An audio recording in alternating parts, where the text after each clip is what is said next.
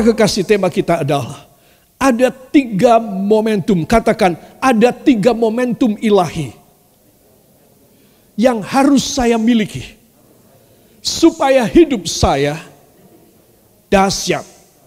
Ya, jadi momentum itu adalah saat yang historik, saat yang istimewa, yang bersejarah. Itu momentum kita. Saudara, seperti saya makan pagi umpamanya jam 8, itu bukan momentum. Itu adalah waktu makan, ya, breakfast time. Cuma time saja. Tetapi kalau momentum ini sesuatu yang bersejarah. Ya momentumnya saudara mendapati satu satu satu kedudukan yang tinggi, promosi saudara. Wah, kalau sampai saudara tidak masuk kerja hari itu, saudara engkau punya momentum untuk bisa naik pangkat diambil oleh orang lain. Nah, ini momentum, saudara. Jadi, mempunyai hasil sambungan yang dahsyat, itu namanya momentum. Jadi momentum ini adalah awal titik awalnya. Itu adalah saatnya, kairosnya Allah. Kalau saya dan saudara tidak memiliki kairos Allah dalam tiga momentum ini, saudara, maka hidup saya biasa aja, tidak dahsyat. Boleh saya tahu siapa di antara kita dan juga di rumah Anda yang ingin hidupnya dahsyat? Mohon lambaikan tangan. Begini, katakan saya mau yang dahsyat. Ya Roh Kudus, bantulah saya. Beri tepuk tangan bagi dia. Haleluya. Itulah dia yang menjadi tema kita pada saat ini. Ada sebuah ayat yang akan saya sampaikan dari Yesaya pasal yang ke-58 ayat yang ke-8. Kita akan baca lebih dahulu dalam Alkitab. Bila kita membuka Yesaya 58, maka apa judul dari pasal 58 ini? Apa judulnya? Kesalehan yang palsu dan yang sejati. Terus di dalam sepanjang pasal ya saudara, 14 ayat, kita akan melihat saudara, satu garis demarkasi perbeda, pembeda yang sangat jelas, sangat ekstrim antara yang palsu dengan yang sejati. Saudara ya. Nah, salah satunya kita akan membaca di dalam ayat yang ke-8. Satu, dua. Pada waktu itulah terangmu akan merekah seperti fajar dan lukamu akan pulih dengan segera. Kebenaran menjadi barisan depanmu dan kemuliaan Tuhan barisan belakangmu. Amin. Saudara, dari sini kita bisa membaca ayat yang ke-8, ini adalah perbedaan. Ini yang apa? Yang kesalehan yang asli atau yang palsu? yang asli.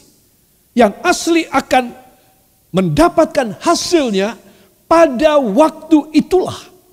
Ya, jadi setelah saya dan saudara menunjukkan kesalehan yang sungguh dan total kepada Tuhan, maka pada waktu itulah hasil dari kesalehan yang asli. Katakan, hasil dari kesalehan yang asli. Hasil dari ibadah saya yang sungguh-sungguh pada waktu itu, momentum itu akan terjadi yang dahsyat. Yang percaya beri tepuk tangan yang baik bagi dia. Haleluya. Nah, inilah ayat pendahuluan dan dari sini kita akan belajar bersama bagaimana hidup ini yang tersisa bisa istimewa, bisa luar biasa. Saya yakin saudara menghendakinya. Tidak mungkin saudara tidak kepingin saya dan Anda menghendakinya. Amin. Ada tiga momentum ya sesuai dengan tema kita. Momentum ilahi ya saudara di sini disebutkan maka terangmu akan merekah seperti fajar pagi hari ya. Lukamu akan pulih dengan segera. Luka yang sudah menaun, sudah abses, ya saudara, yang sudah menaun dan kronis tidak pernah sembuh luka ini. Saudara, maka ketika saya dan saudara menunjukkan kesalehan yang asli kepada Tuhan, maka lukamu akan apa? Pulih. Berapa lama? Segera. Ya saudara. Dan yang ketiga, Tuhan mengirim barisan di depan kita apa namanya? Kebenaran. Terus di belakang kita diiringi oleh barisan yang bernama kemuliaan. Tuh lihat. Apa ndak hebat nih orang kalau bisa kayak begini? Saudara, itu sebab selalu kita yakin bahwa firman Tuhan bukan menyiksa kita, memberikan peraturan-peraturan yang nyaris membuat kita ini hancur, mendeng, gepeng, saudara. Saudara dan saya, justru dengan firman yang saya dan Anda percayai dan pelajari, kita orang justru akan menjadi luar biasa. Katakan, pada waktu itu terang saya akan merekah.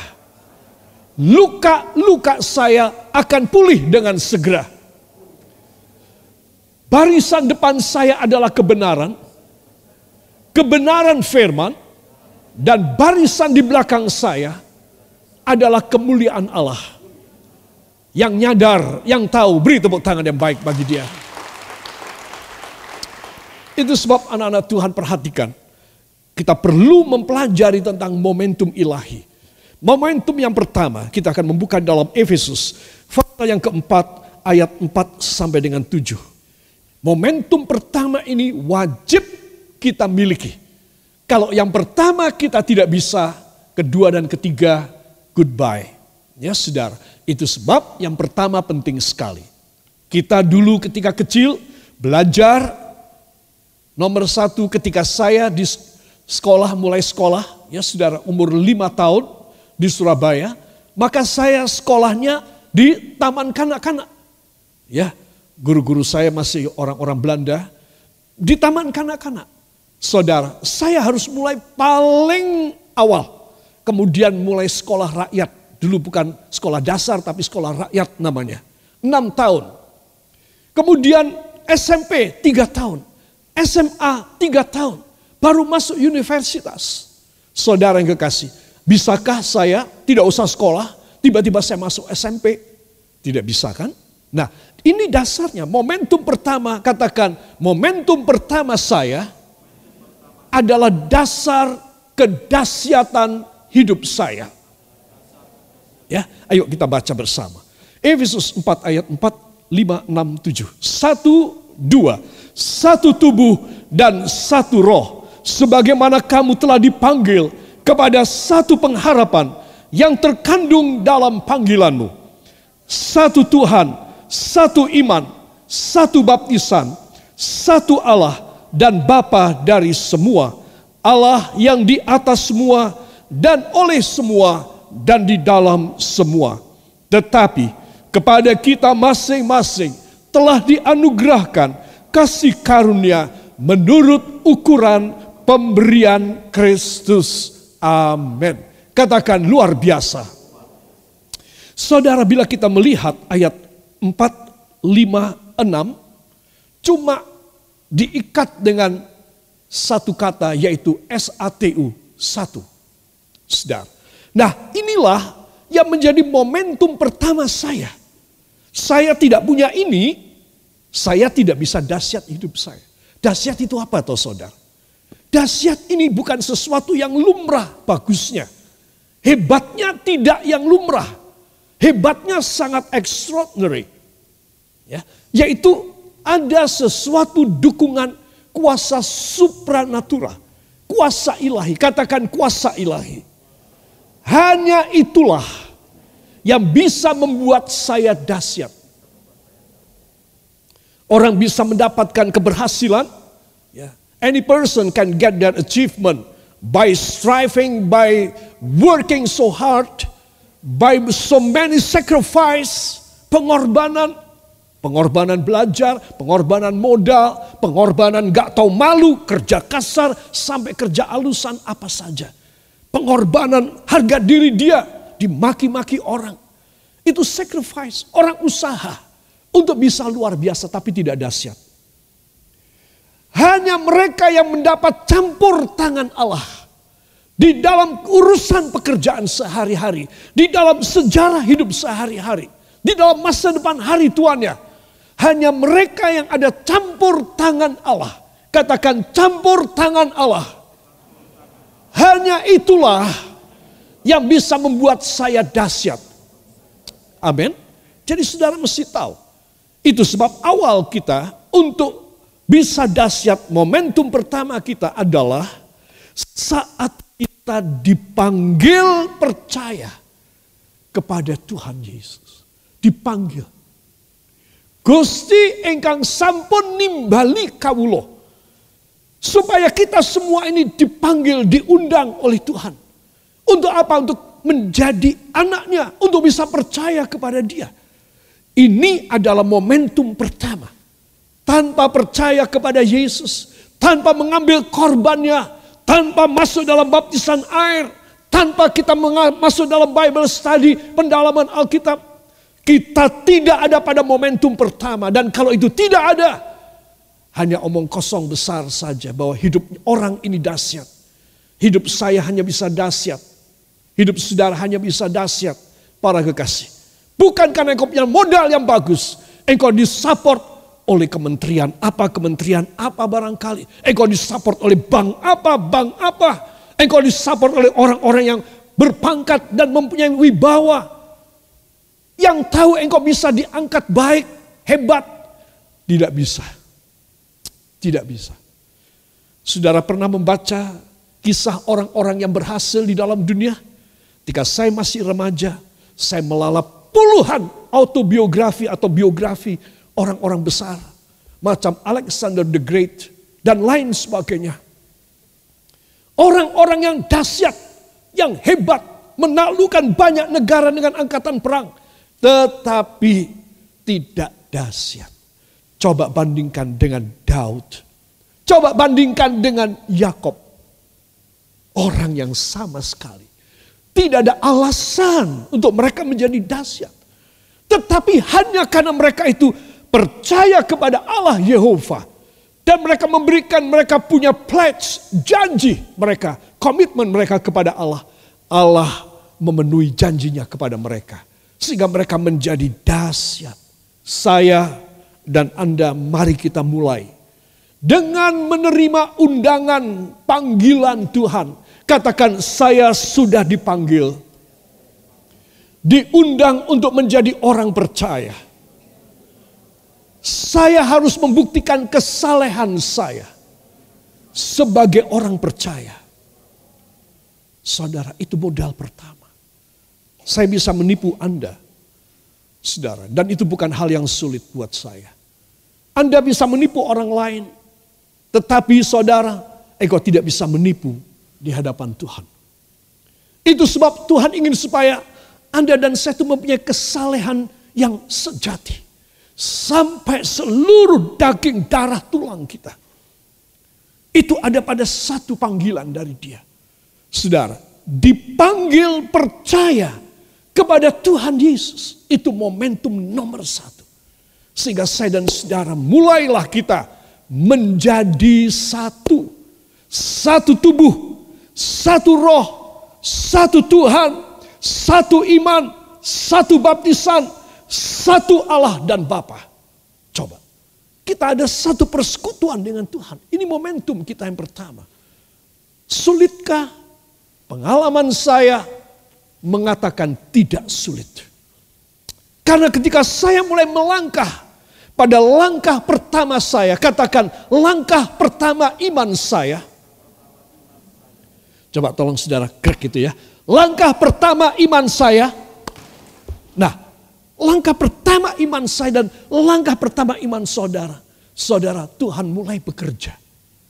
Jadi bukan karena saya gak bisa, wah saya orangnya hebat.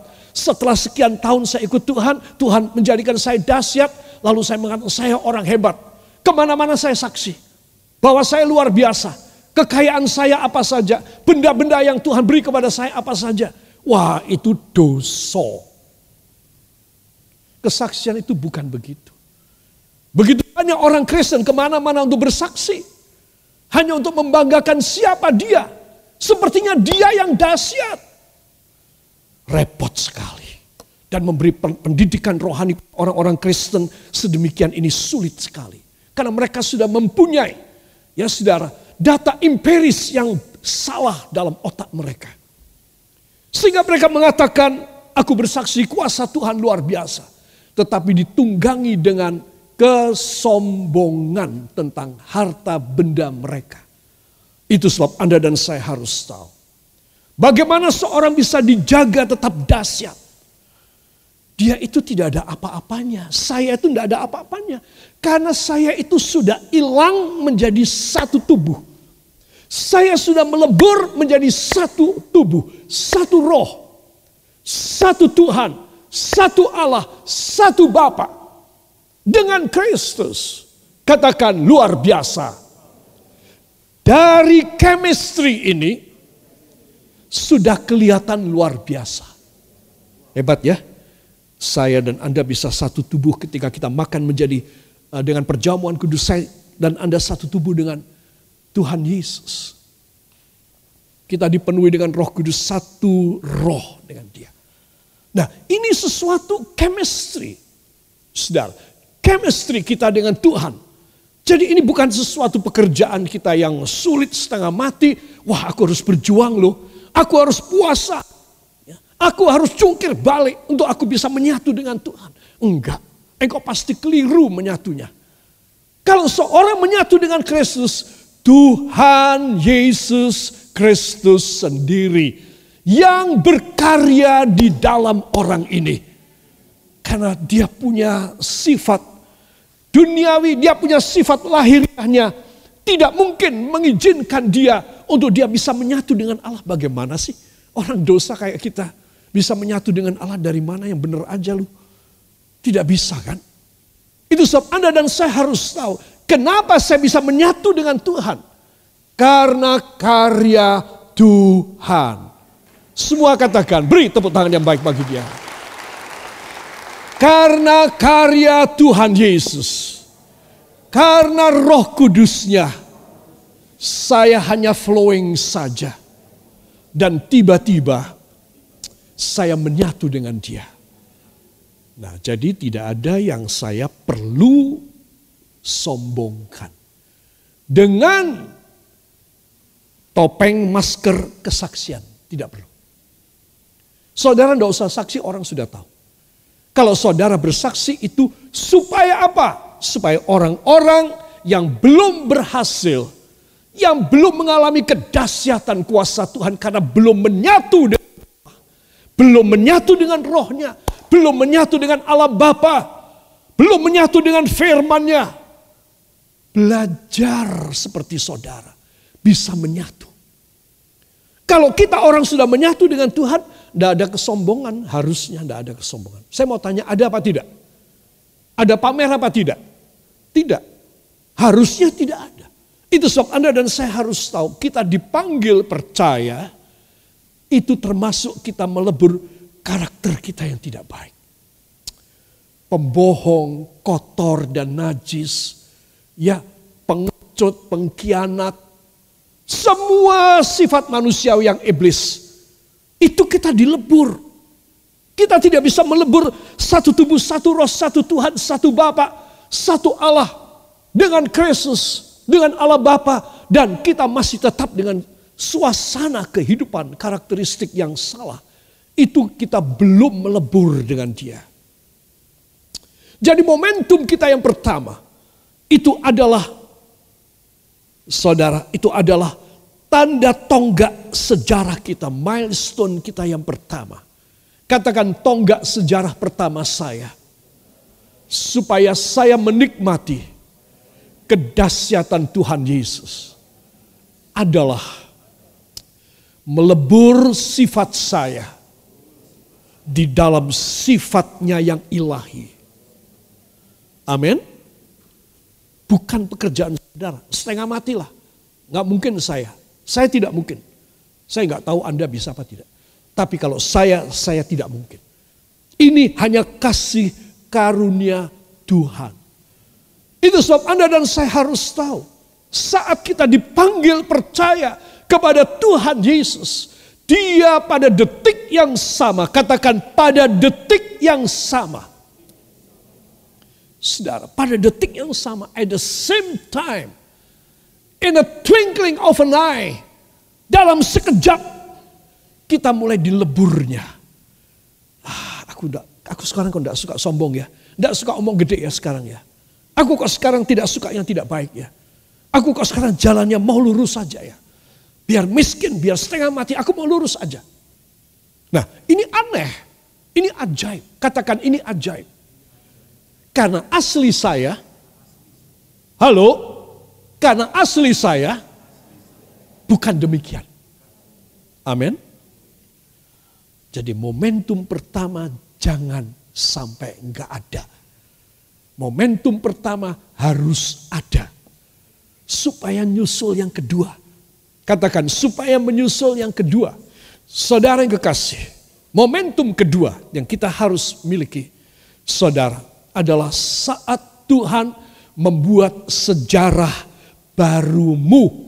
Sejarah baruku setelah kita dibentuk menyatu dengan dia, katakan setelah saya berusaha dibentuk oleh Roh Kudus untuk menjadi satu dengan dia, maka tahap kedua bisa mulai.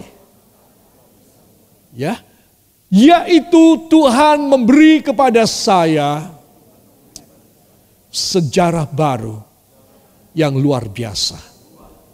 Ucapkan terima kasih. Terima kasih Tuhan. Kami percaya ini akan kami alami. Dan kita yang percaya mengaminkan. Amin. Beri tepuk tangan yang baik bagi dia. Di dalam Mazmur 62 ayat 2 dan ayat yang ketiga.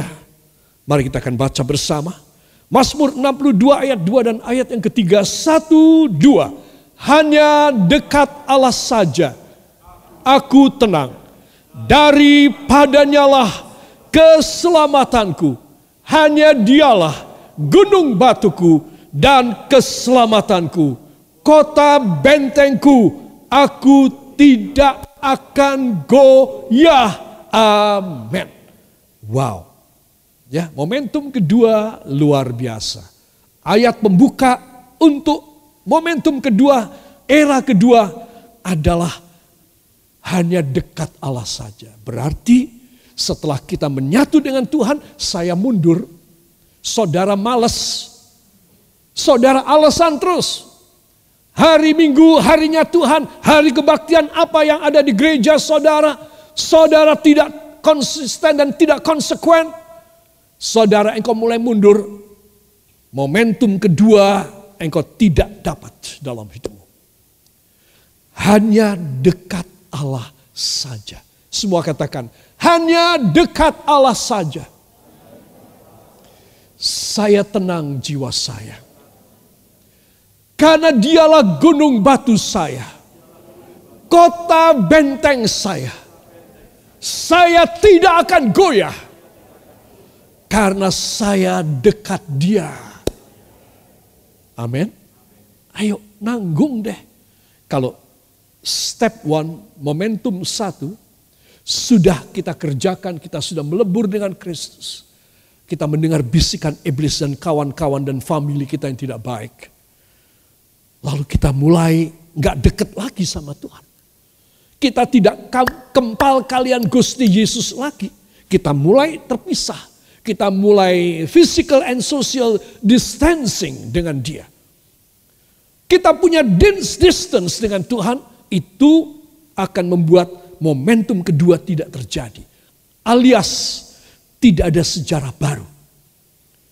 Kita bilang sudah menyatu dengan Tuhan, tidak ada sejarah baru. Ayo sekarang kita mau koreksi. Waduh ini benar-benar kena aku ini. Aku sudah menyatu dengan Kristus. Gak ada perubahan yang signifikan. Tidak ada kemuliaan Tuhan. Inilah dosaku. Inilah kegagalanku. Yaitu aku tidak dekat dengan Tuhan. Saudara yang kekasih, kalau saya dan saudara itu mendengar firman, tidak usah orang lain ngasih tahu kesalahan kita, kelemahan kita. Saya mendengar firman, saya membaca firman, langsung saya tahu kesalahan saya. Aduh Tuhan, ini Tuhan. Puji Tuhan, hamba bersyukur engkau memberitahu sekarang kepada hamba. Tetapi seorang yang tidak dekat dengan Tuhan, saudara dia kehilangan kedahsyatan dalam hidupnya. Coba tengok. Satu, ketenangan. Katakan, orang yang dahsyat memiliki ciri yang khas, Satu, dia orang yang tenang. Betul apa tidak? Tenang. Ada COVID-19, ada apa, tenang dia. Ya, aduh di masa ini pendapatanku ataupun hasilku, incomeku merosot sekali. Ya kayak apa semua orang mengalami. Dia tidak menjadi stres, dia tidak menjadi dia tidak menjadi ngelokro. Dia tetap tenang. Dia lebih dekat kepada Tuhan. Saudara pasti ketenangan ini bukan palsu. Beda dengan orang-orang yang tidak dekat dengan Tuhan. Itu pertama. Kedua, orang yang mempunyai momentum kedua ciri yang khas selain tenang adalah menerima keselamatan. Katakan menerima keselamatan. Ketiga, menjadikan Tuhan menjadi gunung batu keselamatan dan kota benteng yang tidak bisa goyah. Paling tidak tiga ancar-ancar yang hebat ini yang saya dan Anda harus miliki. Tenang, selamat, dan ada kota benteng yang membuat aku menjadi safe. Dan selalu aku secure dalam hidupku. Aman. Aku tidak akan goyang. Itulah saat Tuhan bekerja membangun sejarah baru saudara. Itu sebab anak-anak Tuhan perhatikan tidak ada hal yang lebih baik dari orang hidup selain dekat dengan Tuhan. Bila saudara saya dekat dengan dia, masalah apa, problema apa, kemustahilan apa yang kita orang hadapi. Kehancuran yang diakibatkan oleh apa, siapa, dan bagaimana tidak masalah. Karena saudara dekat dengan Tuhan. Dia bisa mengatur semuanya. Jadi saudara mesti tahu. Rahasia kedahsyatan kita orang. Gak boleh lepas Gak boleh jauh. Tidak boleh ada distancing dengan Allah. Harus selalu akrab dengan Tuhan. Kalau saudara dan saya bisa demikian, katakan bila saya bisa demikian, Tuhan benar-benar menampilkan dirinya sebagai gunung keselamatan saya, kota benteng saya, dan saya tidak akan goyah. Beri tepuk tangan yang baik bagi dia. Haleluya. Mari berdoa bersama saya. Ya Bapa yang baik, jadikanlah di dalam manusiawi hamba yang sulit dibentuk. Pada saat ini, hamba mohon roh kudus membuat hamba mulai melebur menjadi satu dengan Kristus, dengan Allah Bapa seumur hidup saya dalam nama Yesus terjadi demikian. Ucapkan terima kasih engkau yang percaya. Terima kasih Bapa. Terima kasih Yesus. Terima kasih Roh Kudus, bantulah kami. Ini rahasia pertama kami. Bantulah kami supaya semua kekasih yang mendengar firman ini memasuki satu era yang dahsyat dalam segala bidang dalam hidup mereka. Hanya di dalam nama Tuhan Yesus Kristus, Juru Selamat dan penebus kami. Dan kita semua mengaminkan. Amin. Beri kemuliaan yang baik bagi dia.